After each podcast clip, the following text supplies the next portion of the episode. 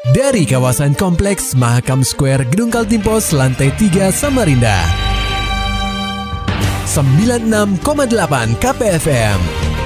Kita akan ikuti program KP Flash News.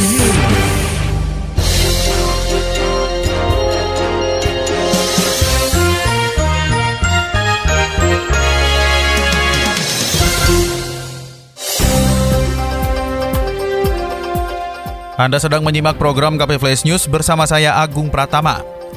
Pendengar KP mengusung konsep festival makanan yang dipadukan dengan wahana bermain. Culinary Playland Samarinda atau CPS garapan Seven Promosindo dan Main Project sukses menarik minat publik kota tepian. Tidak tanggung-tanggung, selama tujuh hari pelaksanaan kegiatan, terhitung sejak 28 November sampai 4 Desember, puluhan ribu masyarakat rela memadati kawasan Gor Segiri Samarinda hanya untuk membeli makanan dan bermain bersama keluarga di event CPS 2022. Festival Director CPS Christian Suwandi menerangkan sebanyak 89 tenan yang terdiri dari 83 tenan kuliner dan 6 tenan fashion hadir dalam gelaran CPS 2022 ini. Dengan mengusung tagline Festival for Everyone, Chris menginginkan agar siapa pun bisa hadir dalam Festival CPS 2022. Hal itu diwujudkan dengan dihadirkannya pintu masuk khusus bagi penyandang disabilitas dan ibu hamil agar bisa datang pada gelaran CPS. Bahkan pihaknya turut mengundang para penyandang disabilitas serta anak yatim piatu untuk merasakan kemeriahan CPS 2022. Karena di SMP kita ngeliatin orang apa? Rata-rata 40 persen tuh audiens kita family. Nah ketika bapak mamanya makan, anaknya bingung mau ngapain. Oh, iya. Jadi Nah, ini kan, dihadirkan kan ya? Package lah. Nah, terus ininya festival for everyone. Besok tuh kita bawa bawa teman-teman disabilitas. Disabilitas. Hari ini kan hari Iya, harus disabilitas ya. nasional nih. Jadi pengen membagi kebahagiaan juga sama teman-teman disabilitas. Dan dia pun nanti ada nampil juga Eh, nyanyi dan tarian lah gitu.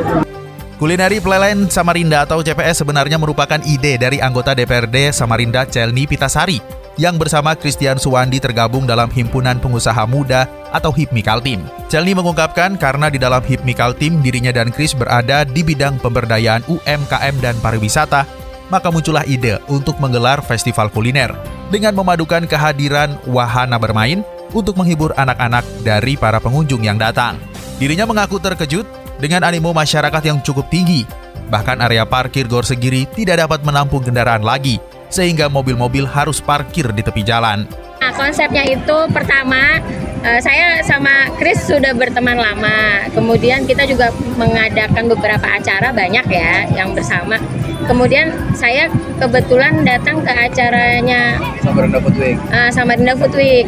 Saya tertarik karena kebetulan kami tergabung di HIPMI bidang 6 Kaltim yaitu uh, tentang UMKM dan pariwisata. Jadi pas lah cocok lah akhirnya kita bilang kenapa kita nggak bikin nih buat kegiatan HIPMI karena kita memang ada uh, program yang harus dijalankan. Nah kebetulan pilot projectnya adalah Samarinda. Gitu. Jadi akhirnya kita cetuskan lah bikin acara seperti ini.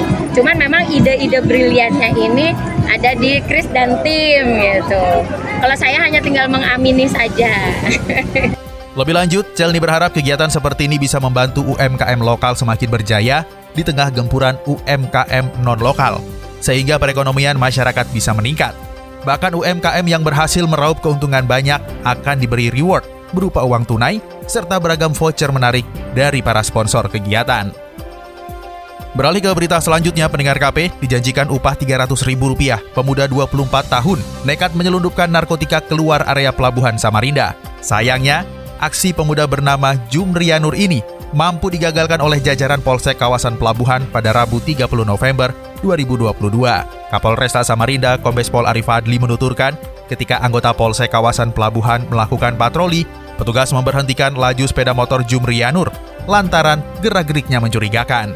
Saat melakukan penggeledahan, petugas menemukan satu bungkus makanan ringan di saku celana pelaku. Namun bukannya berisi makanan ringan, ternyata bungkusan tersebut berisi narkotika jenis sabu-sabu dengan berat 24,08 gram. Eh, perlu saya sampaikan pada saat ditangkap ini pada saat rekan-rekan polsek melakukan kegiatan operasi rutin yaitu kegiatan patroli. Patroli di wilayah pelabuhan. Jadi tidak masuk ke area pelabuhan, tetapi di jalan. Mau dijual, informasinya seperti itu. Pendapatnya ini masih kita lakukan penyelidikan. Nah, nanti kalau saya sampaikan lari orang. Atas perbuatannya tersebut, Jumrianur akan dijerat dengan pasal 114 ayat 2, subsidiar pasal 112 ayat 2 Undang-Undang Republik Indonesia nomor 35 tahun 2009 tentang narkotika dan terancam kurungan penjara paling lama 20 tahun. Pendengar KP 5 hari pencarian bocah 9 tahun yang tenggelam di Sungai Mahakam akhirnya ditemukan. Laporan selengkapnya akan disampaikan reporter KPFM Samarinda, Muhammad Nur Fajar. Setelah dilaporkan hilang tenggelam di perairan Sungai Mahakam, tepatnya di Jalan R.E. Marta Dinata, Kelurahan Telok Lerong Ilir, Kecamatan Samarinda Ulu, pada Rabu 30 November lalu. Tim SAR gabungan berhasil menemukan tubuh bocah 9 tahun bernama Raka Azril Sangaji Putra pada Minggu 4 Desember 2022 sekitar pukul 9 waktu Indonesia Tengah. Kepala Kantor Pencarian dan Pertolongan Balikpapan, Melkianus Kota mengatakan, tubuh bocah 9 tahun itu ditemukan dalam kondisi meninggal dunia sejauh 200 meter ke arah hilir dari titik awal diduga korban tenggelam. Tubuh korban ditemukan dalam keadaan membengkak karena sudah lima hari dilaporkan hilang tenggelam.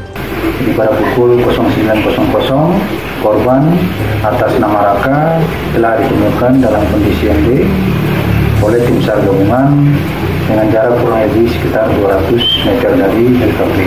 Dan sementara ini korban sudah dievakuasi ke Rumah Sakit Umum AW Sahrani Samarinda.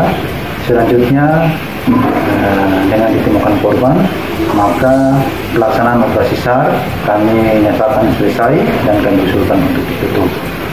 Setelah dievakuasi ke daratan, jasad korban segera dibawa ke RSUD Abdul Wahab Syarani guna menjalani proses visum. KPFM Samarinda, Muhammad Fajar melaporkan. Tak relevan lagi, Perda Reklamasi Pasca Tambang dan Pengelolaan Air Tanah dicabut. DPRD Kaltim koordinasi ke Kemendagri. Laporan selengkapnya disampaikan reporter KPFM Samarinda, Maulani Alamin. Dua peraturan daerah atau Perda Provinsi Kalimantan Timur dicabut.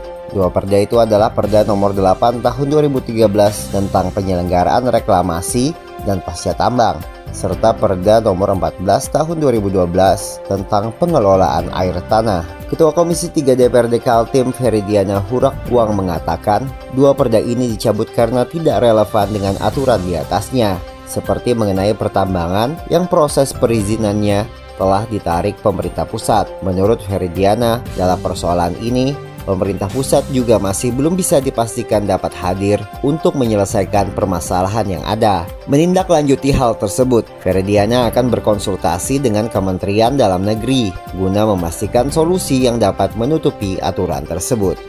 Kita yang ada di lapangan terkait masalah pertambangan di Kalimantan Timur. Apakah e, pusat itu akan selalu hadir untuk menyelesaikan persoalan itu?